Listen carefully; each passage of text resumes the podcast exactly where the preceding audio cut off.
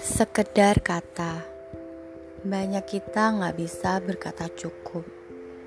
Berterima kasih dengan keadaan yang ada, dan terus saja mengeluh ini dan itu tanpa melihat kebaikan yang ada dalam hidup kita.